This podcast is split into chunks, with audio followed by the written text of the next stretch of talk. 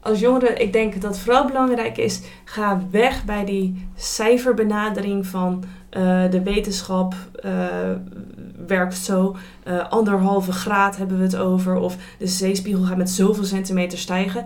Dat, dat werkt niet. Dus ook als je een, een gesprek hebt tussen millennials, ga vooral het gesprek aan. En probeer je, zoals ik nog één keer herhalen, af te stellen op wie je voor je hebt en wat diegene hun waarden zijn. En daar jouw verhaal op af te stemmen. En probeer klimaatverandering dan dus in plaats van een wetenschappelijke realiteit te laten zijn, echt ook een sociale realiteit te zijn.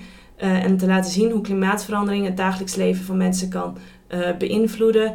En hoe je dus ook positieve, duurzame actie kan ondernemen.